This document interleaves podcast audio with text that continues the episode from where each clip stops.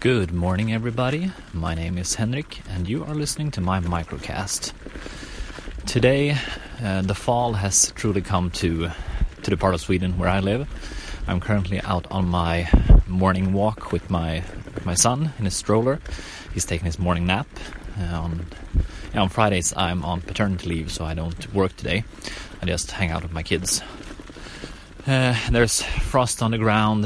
There's a few degrees below zero Celsius. So it's quite cold, but the sun is up, the sky is blue. It's a beautiful, beautiful fall day. But that was not what that was not what, what I was going to talk about.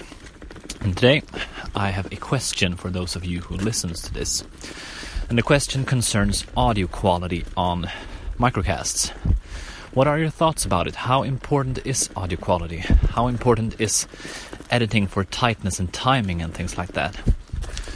Uh, my microcasts vary quite a bit.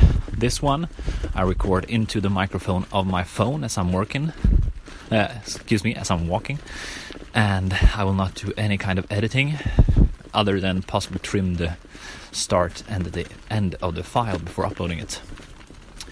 I have a few casts that I've recorded through my um, ear, not AirPods, earpods, my earpod headset.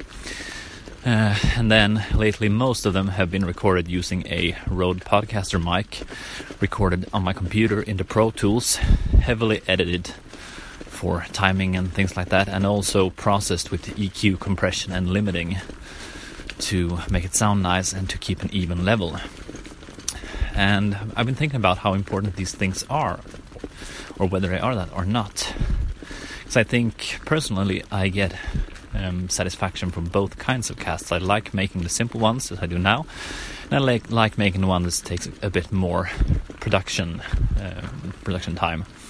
And when it comes to listening to them, uh, the microcasts I listen to, some are very very simply done, and some are more advanced productions, and I tend to like both.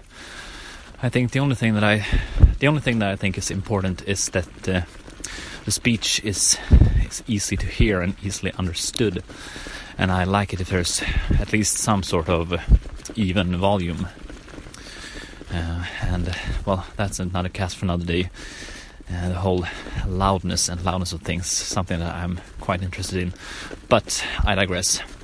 So, my question for you What do you think about the audio quality and editing of microcasts? Is it important or not? And how much should a microcaster fuss about those things? Okay, that's it for today. Have a great day. Talk to you later. Bye.